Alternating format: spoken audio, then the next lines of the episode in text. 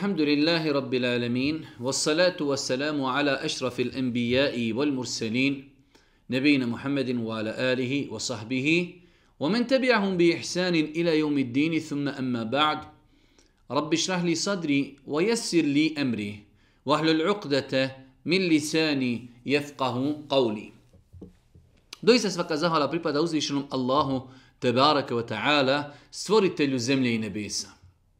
Salat miri selam na Allahog poslanika, Allahog minjenika Muhammeda alaihi salatu wasalam, njegovu časnu porodcu, njegovu uzeta sahabe i sve ljude koji slijede put istinu sudnjega dana. Uvažna vraću i poštovani sestre, uvaženi gledatelji, evo nas u još jednoj emisiji u kojoj se družimo sa odabranim kuranskim ajetima. Vjerujem da znate, vi koji pratite redovno naša izlaganja, da smo hvala uzvišom Allahu te baraka ta'ala ovim našim izlaganjima tempom i sistemom prešli 28 džuzeva Kur'ana, trenutno se nalazimo u 29. džuzu. Večeras uz Allahu svana tala pomoć družimo se sa surom El Haqqa, kako se prevodi, čas neizbježni. Jedno od imena sudnjega dana, El Haqqa, čas neizbježni. Ova sura je objavljena u Mekke. Ova sura je objavljena u Mekki i samim time odma znamo u kojem smjeru će govor ove sure ići. Govorit će se o sudnjem danu, govorit će se o proživljenju, govorit će se o džennetu, govorit će se o džehennemu, govorit će se o uzvišnom Allahu subhanahu wa ta'ala. Ova sura ima 52 ajeta.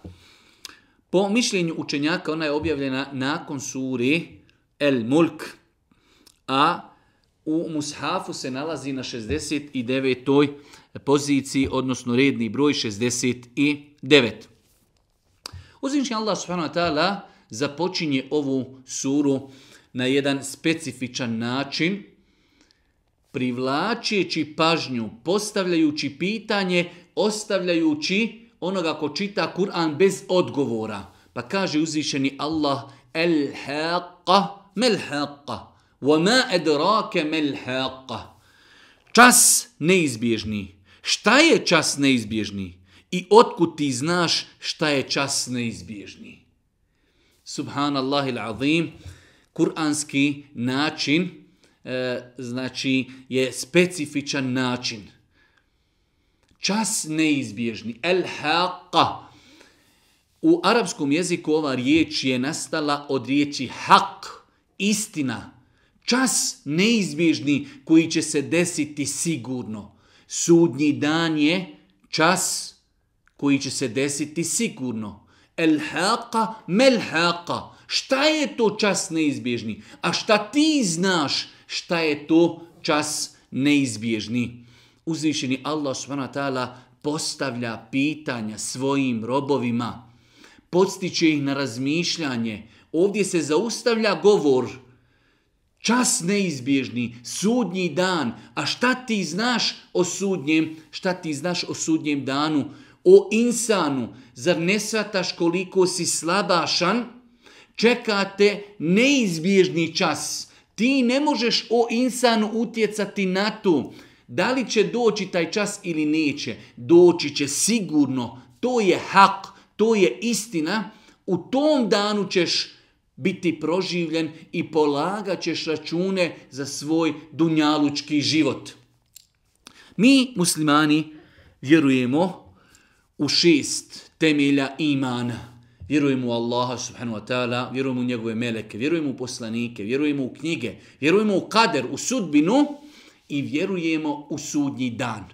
Vjerovanje u sudnji dan je sastavni dio vjerovanja, Ako bi čovjek vjerovao u Allaha, a ne bi vjerovao u sudnji dan, njegovo vjerovanje nije ispravno.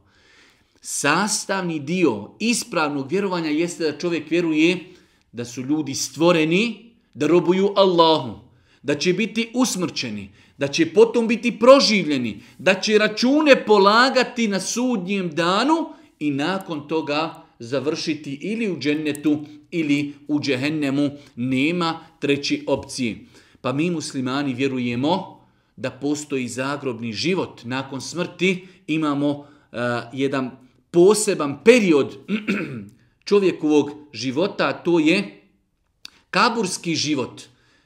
Nakon kaburskog života, patnje ili uživanja u kaburu, ljudi će biti proživljeni, a nakon toga će polagati račune za svoj dunjalučki život.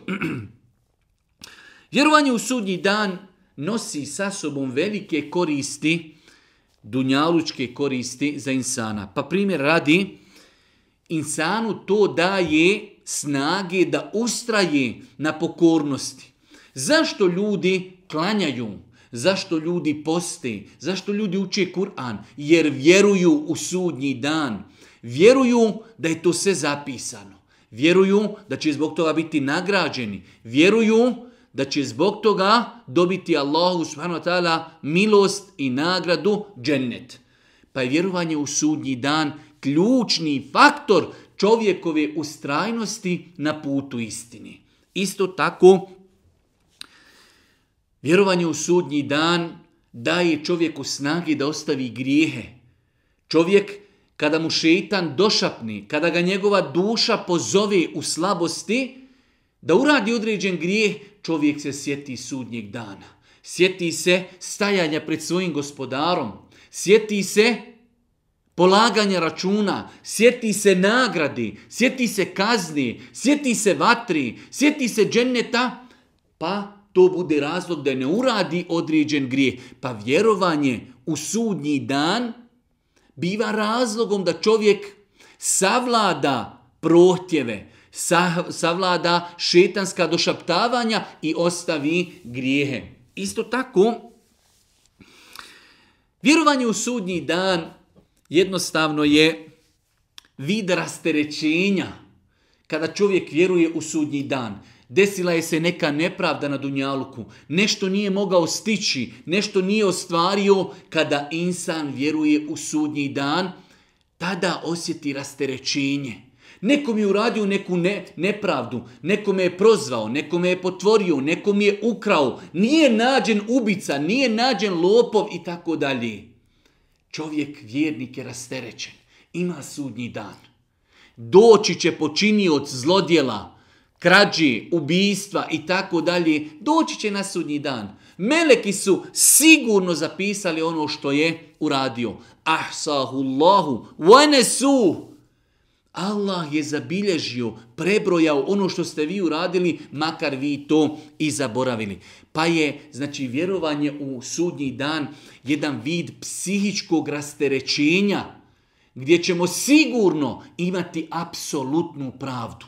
Isto tako, vjerovanje u sudnji dan jača čovjekovo strpljenje, sabor, kada čovjek vjeruje u sudnji dan – vjeruje u dan apsolutne pravde, vjeruje u polaganje računa, vjeruje u džennet, vjeruje u džehennem, vjeruje u sira čupriju, to njemu jača strpljenje i sabur na uvredama, na nepravdi, na iskušenjima, na kaderu, u pokornosti, u ostavljanju grijeha, on, vjernik koji vjeruje u Allaha, vjeruje u sudnji dan, on je strpljiv. Podnosi strpljivo sve što ga zadesi i zašto? Jer vjeruje. Je u apsolutnu pravdu na sudnjem danu. I na kraju, vjerovanje u sudnji dan jača čovjekov neprestani osjećaj da ga uzvišeni Allah neprestano vidi. Jer insan kada vjeruje u sudnji dan, on vjeruje da će na tom danu polagati račune, a polaganje računa zasnovano je na onome što je zapisano na onome što je zapisano u njegov životni defter. Na onome što je uzvišeni Allah vidio od svoga roba. Pa insan kada vjeruje u sudnji dan, u polaganje računa, to mu jača svijest, vjerovanje, ubjeđenje da uzvišeni Allah subhanu wa ta'ala neprestano bdije nad svojim robovima. Pa su to tri prva ajeta kojima uzvišeni Allah s.w.t. na jedan specifičan način započinje ovu suru koja govori o sudnjem danu el-haqqa, čas neizbježni, mel-haqqa. Šta je čas neizbježni? وَمَا اَدْرَاكَ مَلْحَاقَ I otkud ti znaš šta je čas neizbježni? Nakon toga nema odgovora. Dolazi pojašnjenje kako su kažnjeni oni koji nisu vjerovali u sudnji dan. Allahu ekber. Pa kaže uzvišeni Allah, kezebe semudu wa adun bil qari'a. فأما ثمود فأهلكوا بالطاغية وأما عاد فأهلكوا بريح صرصر عاتية سخرها عليهم سبع ليال وثمانية أيام حسوما فترى القوم فيها صرعى كأنهم أعجاز نخل خاوية فهل ترى لهم من باقية كاجي وزيشني الله سبحانه وتعالى nakon ovog specifičnog početka ove suri počinje govoriti o dva naroda koji su uništeni Ad i Semud Ad i Semud Ad to je narod kojim je poslan Hud alihi salatu wasalam i Semud narod koji je eh, kojim je poslan Salih alihi salatu wasalam salam negirali su poslanike, e, bili su nepokorni nevjernici, pa ih je uzvišeni Allah kaznio još na Dunjaluku. Zbog čega? Jer nisu povjerovali u poslanika, nisu vjerovali u sudnji dan. Pa kaže uzvišeni Allah, Semud i Ad u smak svijeta poricali su. Semud i Ad su smak svijeta poricali, pa je Semud uništen glasom strahovitim a ad uništen vjetrom ledenim, silovitim, kome je on uzvišeni Allah vlas nad njima. Sedam noći i osam dana uzastopnih bio prepustio, pa su u njima ljude povaljane kao šuplja datu, e, datulina debla vidio i vidiš li ti da je iko od njih ostao.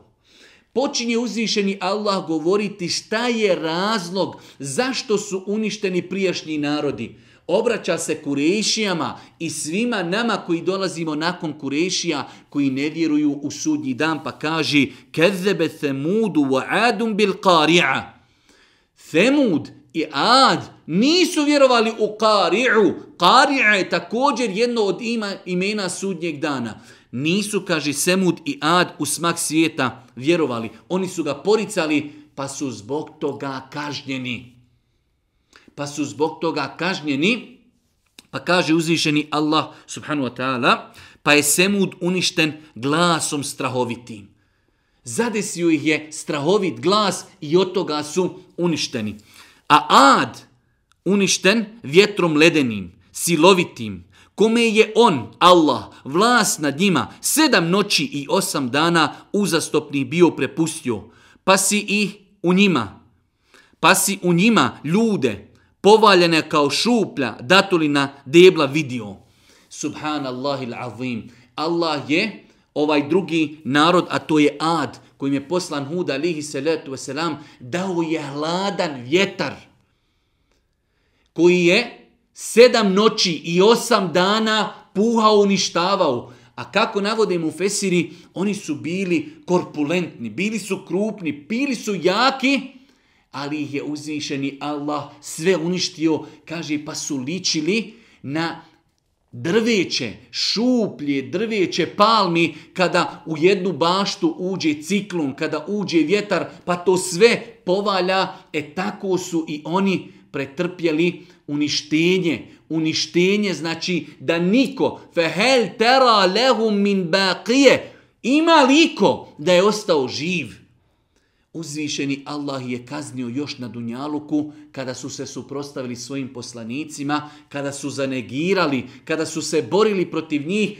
kada nisu vjerovali u sudnji dan. Kaže uzvišeni Allah s.w.t. nakon toga, a došli su Faraon i oni prije njega, i zbog odvratnih postupaka izvrnuta nasilja i protiv poslanika, gospodara svoga se dizali, pa ih je on pa ih je on ne može biti teže kaznio. Navodi uzvišeni Allah s.w.t. i druge narode, i faraona, e, i čak, kaže se ovdje, i zbog odvratnih postupaka izvrnuta naselja. Tako se navodi da je lutov narod, alaihi salatu wasalam, uništen na način da je Džibril alaihi salatu wasalam uzeo njihovo naselje, podigao ga, nakon toga ga izvrnuo, ispustio ga je i na takav način su uništeni. Pa navodi uzvišeni Allah da je razlog podizanja protiv poslanika, nevjerovanja, bio razlog uništenja i drugih naroda. pa ih je on, ne može biti teži kaznju. Mi smo vas, kada je voda prekrila sve, u lađi nosili da vam to pouka, da vam to poukom učinimo i da to od zaborava sačuva uho koje pamti. Navodi Allah s.a. nakon Ada i Semuda i Faraona, navodi primjer Faraona, potopa koji se desio za vrijeme Nuha alihi salatu wasalam i kako je uzvišeni Allah kada je voda nabujala, kako je spasio Nuha alihi salatu wasalam i one koji su vjerovali, zašto kaže uzvišeni Allah?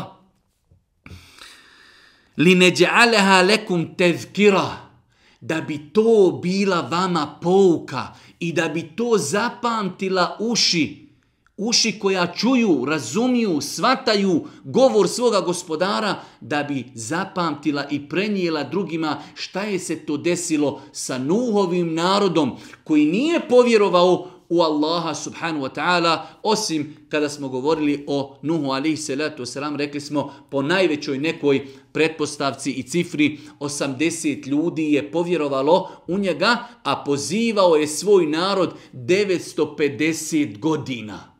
950 godina je pozivao svoj narod, odazvalo mu je se oko 80-ak ljudi, kako to spominju mu fesiri, pa to uzvišeni Allah navodi kao primjer ljudima koji dolaze i pokoljenjima i naraštajima koji dolaze nakon ovih poslanika.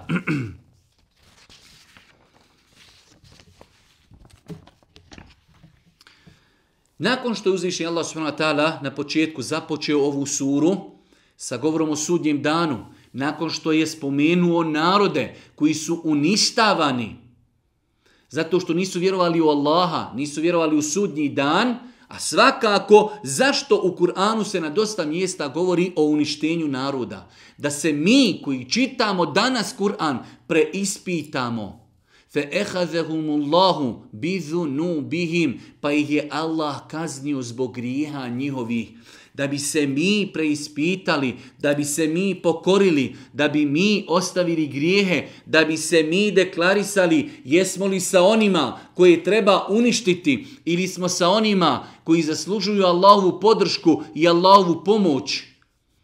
Pa uzvišeni Allah kroz Kur'an neprestano govori o narodima koji su uništavani i razlozima zašto su uništavani kako bi se mi preispitali gdje smo mi u svemu tomi. Nakon toga uzvišeni Allah s.w.t. govori o samom nastupanju sudnjeg dana. Jer rekli smo da period Mekke i objava koja je objavljena u, u Mekke, između ostalih stvari, mnogo pažnije se posvećuje govoru u, o sudnjem danu. Kurešije, Arapi u to vrijeme imali su problem svatiti, pojmiti da je uzvišeni Allah taj koji stvorio čovjeka, kada čovjek istruhne, da će ga ponovo proživjeti i da će polagati račune i da će završiti u džennetu ili u džahennemu. Pa je period Mekke ili Mekanska objava prepuna, prepuna govora koji izgrađuje čovjekovo vjerovanje. Rekli smo koliko vjerovanje u sudnji dan ostavlja traga na insana. Zato kada vidimo, Allah poslanik je živio u Mekki, kada je otišao u Medinu, objava se mijenja, dolazi govor o propisima, ali su ljudi odgojeni, ljudi prihvataju, A Iša radijallahu ta'ala je govorila, kaže da je u samom početku Islama zabranjen blud, zabranjen alkohol. Malo ko bi se pokorio. Pitanje bili iko. Ali kada su ljudi izgrađeni objavom, govorom o Allahu, o njegovoj veličini, o sudnjem danu, o proživljenju, kada se srce napoji tom spoznajom, takvom srcu nije teško prihvatiti propis, živjeti propis, jer vjeruje u Allaha. Svata da Allah ako nešto naredi, to je zbog našeg dobra. Ako nešto zabrani, opet zbog našeg dobra. Pa uzvišeni Allah nakon ove dvije, e, znači dva govora o sudnjem danu, o narodima koji su uništeni zato što nisu vjerovali, jer su se suprostavljali svojim poslanicima, počinje govoriti o sudnjem danu. Pa kaže... فَإِذَا نُفِخَ فِي السُّورِ نَفْخَةٌ وَاحِدَةٌ وَهُمِلَتِ الْأَرْضُ وَالْجِبَالُ فَدُكَّتَا دَكَّةً وَاحِدَةً فَيَوْمَ إِذٍ وَقَعَتِ الْوَاقِعَةِ A kada se jednom urok puhni, pa se zemlja i nebo dignu i od jednog udara zdrobi, toga dana će se smak svijeta dogoditi. Kada se puhni urok, mi smo o tome više puta govorili, da Mi muslimani vjerujemo da će pred kraj života na Dunjaluku desiti se puhanje u rog od strane Meleka Israfila koji je zadužen za puhanje u rog. E, postoji različita tumačenja islamskoj čenjaka koliko tih puhanja u rog ima. Jedni su kazali da imaju dva puhanja u rog. Od jednog puhanja u rog će umrijeti svi ljudi koji su tada ostali živi. Drugo puhanje u rog koje će se desiti onda kada uzvišeni Allah tjedni, od tog drugog puhanja u rog će biti ljudi proživljeni. Ima mišljenje učenjaka koji je zasnovano određenim hadisima u pogledu koji postoji razilaženje kod učenjaka su li vjerodostojni ili nisu, da postoje tri puhanja u rog. Prvo puhanje koje će zastrašiti ljude – Drugo puhanje će umrtviti ljude, a treće puhanje je proživljenje ljudi za polaganje računa na sudnjem danu. Pa kaže uzvišeni Allah, a kada se jednom u rog puhni, neki učenjaci su rekli da je to prvo puhanje, a opet drugi kažu da se to misli na drugo puhanje kada će ljudi biti proživljeni. Ono što je tačno, apsolutno jeste da postoje i vjerujemo u to da imaju puhanja u rog, Da li se ovaj ajet odnosi na prvo puhanje ili drugo, to uzvišeni Allah zna. Kada se jednom urok puhni, pa se zemlja i nebo dignu i od jednog udara zdrobe, toga dana će smak svijeta se dogoditi i nebo će se razdvojiti. Tada će labavo biti i meleki će na krajevima njegovim stajati, a arš, prijesto gospodara tvoga će toga dana iznad njih osmerica držati. Allahu ekber, uzvišeni Allah opisuje događaje koji će se desiti, znači prilikom nastupanja sudnjeg dana, velike, velike kosmičke promjene, pa između ostalo kaže uzvišeni Allah subhanahu wa ta'ala, melekići, melekići na krajevima nebesa stajati, a arš, prijesto gospodara tvoga, toga dana iznad njih će osmerica držati osam meleka drži prijesto uzvišenog Allaha subhanahu wa ta'ala toga dana. U vjerodostojnim hadisima je zabilježeno da Allah poslanik alihi salatu wasalam kazao uzine li, dozvoljeno mi je, dopušteno mi je da govorim o melekima koji nose arš. Kaže Allah poslanik od resice na uhu do njegovog ramena, do njegovog ramena, je 700 godina hoda. Allahu ekber. Vjerodostojni hadisi potvrđuju da od resice uha do ramena, do vrata, meleka koji nosi prijestolje uzvišenog Allaha je 700 godina hoda. Zamislite, braćo moja draga, veličinu tog stvorenja koje nosi arš, uzvišenog Allaha subhanahu wa ta'ala. Ako je uzvišeni Allah kadar da stvori toliko stvorenje, koliki je uzvišeni Allah i njegovo veličanstvo. Subhanallah il azim. Insan, ovaj slabašni, ovaj slaba, ovo slabašno Allahovo stvorenje, u datom momentu se uz oholi, nepokoran, nevjeruje, psuje, psuje, vrijeđa, iznosi na Allaha laži, a pogledajte koliko je sićušan, koliko je slabašan, zaboli ga zub, zato što ima sićušnu bakteriju u zubu koja ga uznemirava cijelu noć ne može spavati. A uzvišeni Allah je stvorio zemlju i nebesa. Stvorio je meleke koji nose njegov arš, Veličina tih meleka je tolika da od resice njegovog uha do njegovog ramena je 700 godina hoda. Allahu ekber. Koliki je veličanstven naš gospodar i koliko smo mi sićušni, koliko smo potrebni našeg gospodara i njegove milosti i koliko smo na kraju krajeva oholi. Insan zaradi milion, dva ili milijardu, pomisli neuzubila da je božanstvo, da mu ne može niko ništa, da sve može, nije svjestan svoje sićusnošći, nije svjestan svoje slabasnošći, nije svjestan koliko je slabašan, koliko je potreban svoga gospodara Allaha subhanu wa ta'ala, pa kaže uzvišeni Allah, jevme idin tu'radune la tahfa minkum hafije tada će se tada će ispitivani biti i ni jedna tajna vaša nije će skrivena ostati taj dan kada nastupi sudnji dan polagat ćete račune i ni jedna tajna nije će ostati a da nije će biti otkrivena Dosta se puta dešava, čovjek uradi nešto, ne zna niko, Nikoga ne pozove na odgovornost. Meleki su zapisali. Jeume tubele serair, kao što je došlo u suri Tariq, dan kada će biti tajne iznešene na vidilo.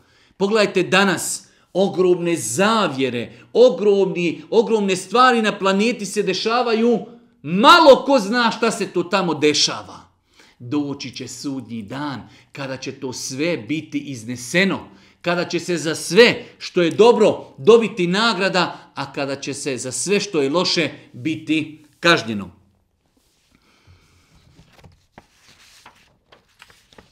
Nakon toga, uzvišnji Allah s.w.t. govori o dvije kategorije ljudi na sudnjem danu. Prva kategorija ljudi koji su se spasili ispravno položili ispit, prošli ispit, ljudi koji će dobiti svoju knjigu dobrih dijela u desnu ruku. Dobivanje knjige na sudnjem danu u desnu ruku je pokazatelj da je čovjek prošao ispit. Dobivanje knjige u lijevu ruku je pokazatelj da je neko pao na ispitu, da će biti kažnjen.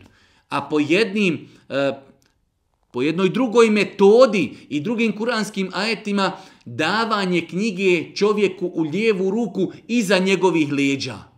I to je znak, pokazatelj da je čovjek pao na ispitu. Pa kaže uzvišeni Allah fa emma men utije kitabehu bi jemini. Fe je kulu ha u mukra u kitabije inni zanentu enni mulaqin hisabije. Fe huva fi išete radije fi džennetin alije, utufuha danije kulu vašrabu hanijen bima esleftum fil ejamil halije. Uzvišeni Allah spominje one koji će dobiti knjigu u desnu ruku i zašto su je dobili u desnu i kakva ih nagrada čeka. Pa da čujemo. Kaže uzvišeni Allah onaj kome se knjiga njegova u desnu ruku da. Reći će, evo vam čitajte knjigu moju. Ja sam čvrsto vjerovao da ću račune svoje polagati. Allahu ekber. Onaj kome se knjiga da u desnu ruku, kazat će ljudima koji ga vide, koji je sretni, ha u mokara u kitabije, evo moja knjiga ljudi, ja se ne stidim onoga što ima u mojoj knjizi, tu su moja dobra dijela, evo vam, čitajte moju knjigu. Inni vanentu enni mulaqin hisabije. Ja sam na Dunjaluku bio čvrsto ubijeđen, da ću polagati račune na sudnjem danu. Ja sam se pripremao za ovaj dan. Danas sam knjigu svoju dajem. Bujrum, čitajte. Ja sam čvrsto vjerovao u sudnji dan. Vjerovao sam u polaganje računa. Da čujemo kakva je nagrada. I on će biti u životu zadovoljnu. Nagrada je da je zadovoljan u džennetu, uživa ljepotice, hurije, voće, gledanje u lice gospodara Allaha subhanahu wa ta'ala. I on će biti u životu zadovoljnom, u džennetu predivnom. Čiji će plodovi na dohvat ruke biti. Jedna od stvari koju ovdje uzvišeni Allah spominje od blagodati dženneta jeste da će kutufu hada nije.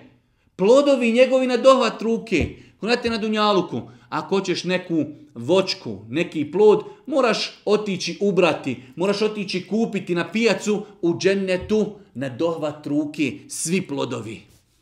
Džennet, uživanje, zadovoljstvo, sreća, džennetski plodovi na dohvat ruke, kutu fuha danije, jedite i pite, radosni, za ono što ste u danima minulim zaradili mnogo puta i inšala mnogo puta ćemo ponoviti ulazak u džennet je zasnovan na našim postupcima putem kojih zaslužujemo Allahovu milost pa nas on subhanahu wa ta'ala svojom milošću uvodi u džennet pa kaže uzvišeni Allah kulu washrabu hanien bima esleftum fil ejamil halije jedite, pijte uživajte zbog onoga što ste radili. Džezaen bima kanu ja'melun kao nagrada za ono što su radili. Apsolutna pravda. Mnogo puta smo govorili, hoćeš na Dunjaluku da osvojiš nešto od Dunjaluka, da li je to plac, da li je to auto, da li je to stan, da li je to mobitel, moraš se potruditi. Koliko se onda trebamo potruditi da za vječno uživanje u džennetu. Pa nemoj, braćo moja draga i cijenine sestre, da se zavaramo. Ona naša poštapalica, čisto mi je srce, ne idem u džamiju, ne klanjam, ne postim, imam svih vrsta grijeha, ali mi je čist, čisto srce, Allah je milostiv. Jazaa'an bima kanu ya'malun kao nagrada za ono što ste radili. Pa pogledajte, onaj ko dobije knjigu u desnu ruku, reći će, evo, čitajte moju knjigu, zbog čega ja sam čvrsto vjerovao da ću račune polagati. Uživat će u džennetu, u zadovoljstvu džennet, džennetska uživanja, bašte, kutufu, hadanije, plodovi na dohvat ruke, pa će im biti rečeno jedite i pijte džennet zbog onoga što ste zaslužili i onoga što ste radili. To je jedna kategorija. Da čujemo drugu kategoriju. Kaže uzvišeni Allah: "Wa amma man utiya kitabahu bi shimalihi, fa yaqulu ya laytani lam uta kitabiye wa lam adri ma hisabiye. Ya laytaha kanat al-qadiya. Ma aghna anni maliye, halaka anni sultaniye." خذوه فغلوه počinje uzvišeni Allah govoriti o stanovnicima džehennema, onima koji su knjigu dobili u lijevu ruku, da čujemo kako će oni proći, kako će biti nagrađeni, kaže uzvišeni Allah. A onaj, kom je se da knjiga u lijevu ruku njegovu, reći će, kamo sreće da mi knjiga moja nije data. Kamo sreće da ni sad sam dobio knjigu u lijevu ruku, shvatio sam, da sam izgubljen, da sam propao, kamo sreće da mi knjiga nije moja data. Dobro, dalje. I da,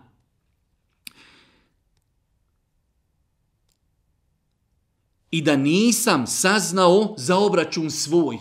Kamo sreće da se nije desilo polaganje računa, ali kasno, brate moj dragi, kada dođemo na sudnji dan, kada dobije insan, ne daj Bože, knjigu u lijevu ruku, kasno je tada reći kamo sreće da nisam obračunavam. Bićeš obračunavan. Bićeš pitan. Allah Đelšanu u Kur'anu kaže pitaćemo ih sve. Fele nes elennehum eđme'in. Sve ćemo ih pitati. Nemoj da se zavaravamo. Na Dunjaluku nas može nekada pravda zaobići. Može se nešto zataškati na sudnjem danu nemoguće. Pa će kazati, kamo sreći da račun nisam ni polagao. Dobro, ovo su sve neke želje. Da vidimo dalje. Kaži, kamo sreći da me je smrt dokraćila. Kamo sreći da, da moja smrt, da je to bio kraj mi, mojih muka. Ne, ima kabur, ima kaburska patnja ili kabursko uživanje, ima proživljenje, ima sudnji dan, ima sira čuprija, ima džehennem. Ima džehennem. On kaže, kamo sreće da me je smrt moja uništila, da nakon smrti nema života, ima život, da čujemo dalje. Bogatstvo moje mi nije od koristi, snage moje nema više. Bogatstvo moje, braćo moja draga i cini sestre, pogledajte šta će čovjek reći na sudnjem danu. Bogatstvo moje mi ništa ne znači imao zgrade, imao kule, imao dvorce, imao jahte, imao ništa ne koristi ako nema dijela, ako nema imana, ako nema namaza, ako nema posta. Nemojte da se zavaramo da nas ticanje dunjaluka odvede od Allaha. Kaže uzvišeni Allah subhanahu wa ta'ala, Ma agna anni malije, heleke anni sultanije, nikakve koristi ja sad onog imetka nemam. Koliko smo namaza propustili zbog sticanja imetka, koliko smo dana propustili post zato što idemo za imetkom, koliko smo harama počinili zgrtajući imetak, taj imetak ništa nam koristiti neće na sudnjem danu. Pa nastavlja uzvišeni Allah, govori o načinu kažnjavanja. Pa kaži, držite ga i u okove okujte. Zatim ga samo u vatri pržite, a onda ga u sinđire, lance, 70 lakata duge vežite. Subhanallahil azim. Neko će kazati, pa gdje je milost uzvišenog Allaha? Milost za one koji su vjerovali, milost za one koji su se trudili, milost za one koji su bili pokorni.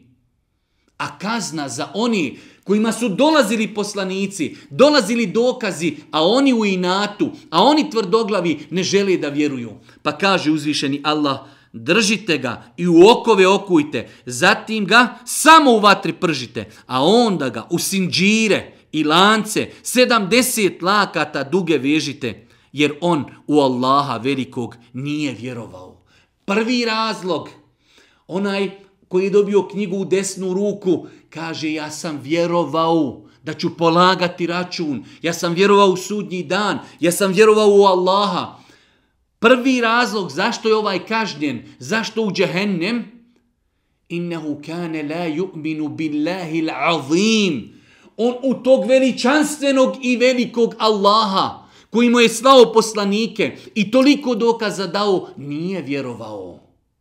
Jedna stvar – nije, kaže, podsticao da se nahranjuju siromasi. Pogledajte kako je ova naša vjera potpuna i savršena. S jedne strane ne vjeruju Allaha, to je između njega i Boga. S druge strane, nema od njega nikakve ni dunjalučke koristi. Pa kaže uzvišeni Allah, i da se nahrani nevoljnik nije nagovarao, zato on danas ovdje nema prisna prijatelja, ni druga, ni drugog jela osim pomija, koje će samo nevjernici jesti. Pomije, oni koji su sa sela znaju šta su pomije. Neki to zovu i melo, ostaci hrani, ona pokvarena sva hrana. Po jednom mišljenju kako je preveo Besim Korkut, to će biti hrana džehennemlija. Pomije, iako u tefsirima od Ibnu Abbasa i drugih se navodi da će hrana taj gislin, kojeg neće jesti niko drugi osim nevjernici u džehennemu, to je ona tečnost koja izlazi iz tijela kada tijelo gori u džehennemu, onaj gnjoj, ono, ona znači e, tečnost, voda koja izlazi iz mesa kada se meso prži i muči u džehennemu. To će biti hrana i piće džehennemlija, neuzubillah. Neuzu billahi, Allaha svevišnjeg molimo njegovim velikim imenima i svojstvima da nas sačuva od patnje u džehennemu. Pa kaže uzvišeni Allah subhanu wa ta'ala, držite ga i u okove okujte, zatim ga samo u vate pržite, a onda u sinđire i lance 70 lakata duge vežite, jer on u Allaha velikog nije vjerovao. I da se nahrani nevoljnik nije nagovarao, zato on danas vjerovao ovdje nema prisna prijatelja. Ni drugog jela osim pomija koje će samo nevjernici jesti. Razlika onaj koji je dobio ru, knjigu u desnu ruku i onaj koji je dobio knjigu u lijevu ruku. Jedan uživa, jedan u džennetu, jedan u blagodatima. Na dohvat ruke su mu plodovi, voće, uživanja, a drugi se kažnjava. Allahova apsolutna pravda nemoj da neko pomisli nešto loše. Allahova apsolutna pravda. O robe, jesu li ti dolazili poslanici? Je li dolazila objava? Jesu li dolazili dokazi? O fi anfusikum efele tobesirun. I u vama samima vi dokaze imate. Jok, čovjek stvoren od majmuna, nastalo od majke prirode, zemlja i nebesa nastali sami. Zašto auto ne nestani samo? Zašto se kuća ne napravi sama? Sve mora imati svoga tvorca, onoga koga je napravio, osim zemlje i nebesa, osim ljudi. Oni su nastali sami po sebi. La ilaha illallah. Kako se insan može spustiti na takav nivu da svoj razum toliko baci, zapostavi, zlopotrebi? Allah ti dao razum da svojim razumom svatiš veličinu uzvišenog Allaha. Pogledaj nebesa. Mi danas, iako imamo toliku tehnologiju, toliko savremenu tehnologiju, još nismo shvatili gdje je kraj nebesima. Gdje je kraj kosmosa? Koliko ima galaksija? Koliko ima planeta? Gdje smo mi u svemu tome? Mi? I insan ne vjeruje u uzvišenog Allah subhanahu wa ta'ala. Pa ovakvi ajeti imaju za cilj da insana razbude, da ga postaknu na razmišljanje. Želiš li da budeš od onih koji će dobiti knjivu u desnu ruku? Budi pokoran, vjeruj, ostavi ono što je zabranjeno da bi uživao. Hoćeš da dobiješ knjigu u lijevu ruku, onda je put tome nepokornost, nevjerovanje, ali je to put kazni put kazne na sudnjem danu.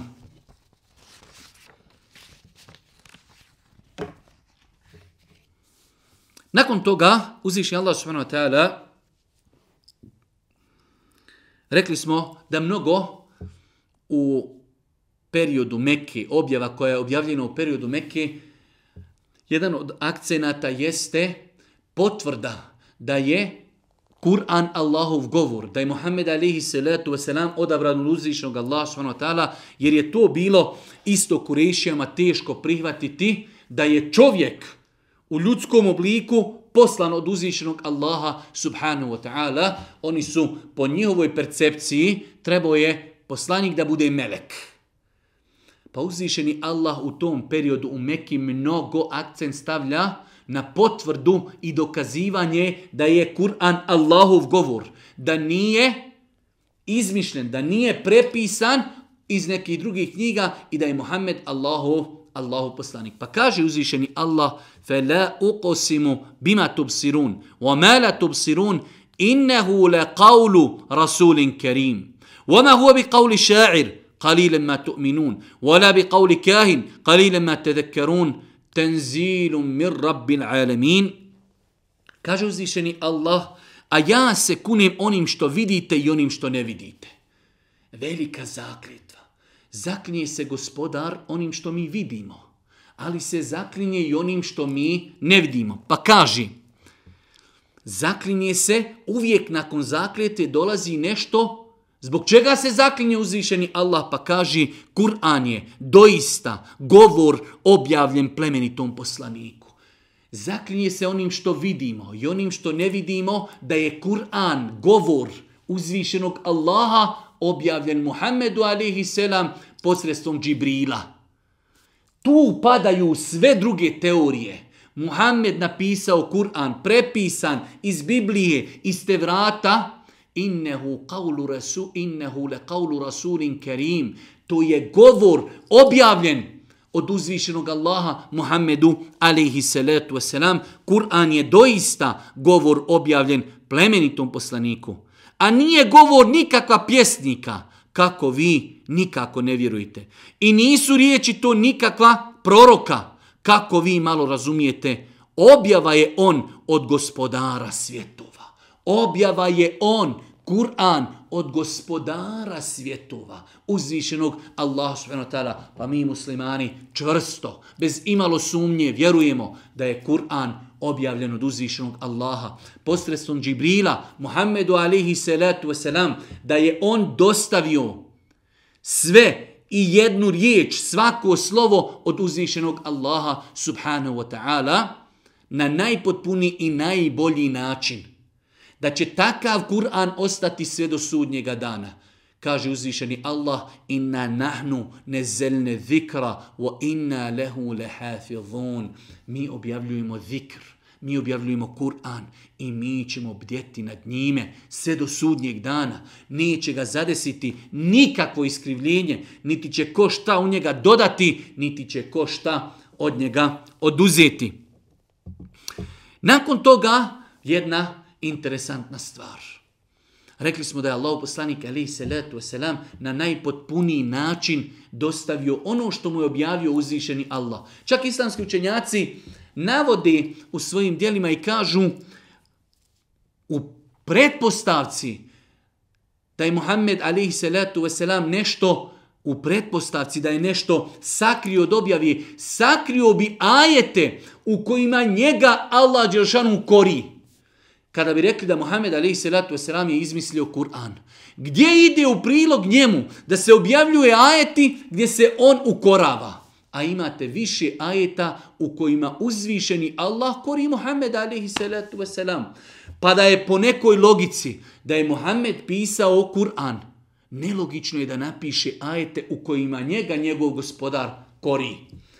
Pa kaže uzvišeni Allah subhanahu wa ta'ala وَلَوْ تَقَوَّلَ عَلَيْنَا بَعْضَ الْأَقَوِيلِ لَأَخَذْنَا مِنْهُ بِالْيَمِينِ ثُمَّ لَقَطَعْنَا مِنْهُ الْوَتِينِ Kaže uzvišeni Allah, a da je on, o nama, koje kakve riječi i neistinu iznosio. Pazite vidite prijetnje uzvišenog Allaha Muhammedu alaihi salatu wasalam njegovom miljeniku, najodabranijem robu, kaže uzvišeni Allah da je on o nama rekao nešto što nije tačno. Kažu mu Fesiri, Ibnu Kefir i drugi, da je nešto dodao od sebe ili nešto sakrio, da je nešto oduzeo, da čujemo kakva bi ga kazna čekala. Pogledajte kakvom prijetnjom prijeti uzvišeni Allah svome miljeniku Mohamedu. A da je on o nama koje kakve riječi laži iznosio, mi bismo ga za desnu ruku uhvatili, a onda mu žilu kucavicu presjekli i nikoga između vas ne bi mogao od toga odbraniti ovo mi bismo ga za desnu ruku uhvatili, postoje dva ili tri različita tumačenja, može se shvatiti da, će ga, da bi ga uzeo Allah svojom desnicom. Može se shvatiti da bi uzeo Muhammed alaih selam za njegovu desnicu, a može se shvatiti da bi ga uzeo snažno i jako i da bi mu žilu kucavicu prerezao ili kako je već prevedeno presjekao i nikoga između vas ne bi mogao od toga odbraniti. Allahu ekbar. Kakva prijetnja Muhammedu alihi selam ako bi on izmislio na Allaha neki propis. Jer je Allah gospodar zemlje i nebesa. Ne bi dopustio da se njemu, gospodaru zemlje i nebesa, pripiše nešto što on nije rekao pa je Kur'an dostavljen. Dostavljen na najpotpuniji način. Svako slovo, svaki harf, svaka riječ, apsolutna je istina. Kaže uzvišeni Allah, a da je on, Muhammed, o nama, koje kakve riječi iznosio, laži, mi bismo ga za desnu ruku uhvatili, a onda bi mu žilu kucavicu presjekli i nikoga između vas ne bi mogao od toga odbraniti pouka je Kur'an onima koji budu Allahova naređenja izvršavali, a zabrana se klonili. Innehu le tezkiratu lil mutaqin. Nakon što je uzvišeni Allah pojasnio da je nemoguće da Muhammed alihi salatu wasalam doda nešto u Kur'an ili oduzme, pojašnjava šta je to Kur'an. S kojim ciljem je objavljen pa kaže وَإِنَّهُ لَتَذْكِرَةٌ لِلْمُتَّقِينَ On je opomena, upozorenje, ali to upozorenje će koristiti mutaqin. Onima koji se boje Allaha, vjeruju Allaha, vjeruju sudnji dan, radi ono što je naređeno, ostavljaju ono što je zabranjeno. Pa kaže, pouka je Kur'an onima koji budu Allahova naređenja izdršavali, a zabrana se klonuli. A mi sigurno znamo da neki od vas neće u njega vjerovati i on će biti uzrok jadu nevjernika, a on je doista sama istina. Zato ti hvali ime gospodara tvoga veličanstvenog. Wa innehu le haqu Doista je Kur'an hak, istina, ali kakva? Jekin, čvrsta istina, sigurna istina pogledajte kako i na koji način uzvišeni Allah subhanahu wa ta'ala govori o Kur'anu, počinje sa onom zakljetvom, zaklinjem se i onim što vidite i onim što ne vidite, da je Kur'an objavljen od Allaha, Božijem poslaniku, alihi salatu wasalam, nije to govor nikakvog pjesnika, niti je to govor kakvog sihribaza, čarobnjaka, nekoga ko proriči sudbinu, kaže, objava je od gospodara svjetova. Nakon toga uzvišeni Allah govori da je nemoguće da Muhammed alaihi salatu wasalam nešto pridoda u Kur'an ili da nešto od njega oduzme, a da je to uradio, Allah bi ga žestoko kaznio, uzeo bi ga za njegovu desnicu, njegovu žilu,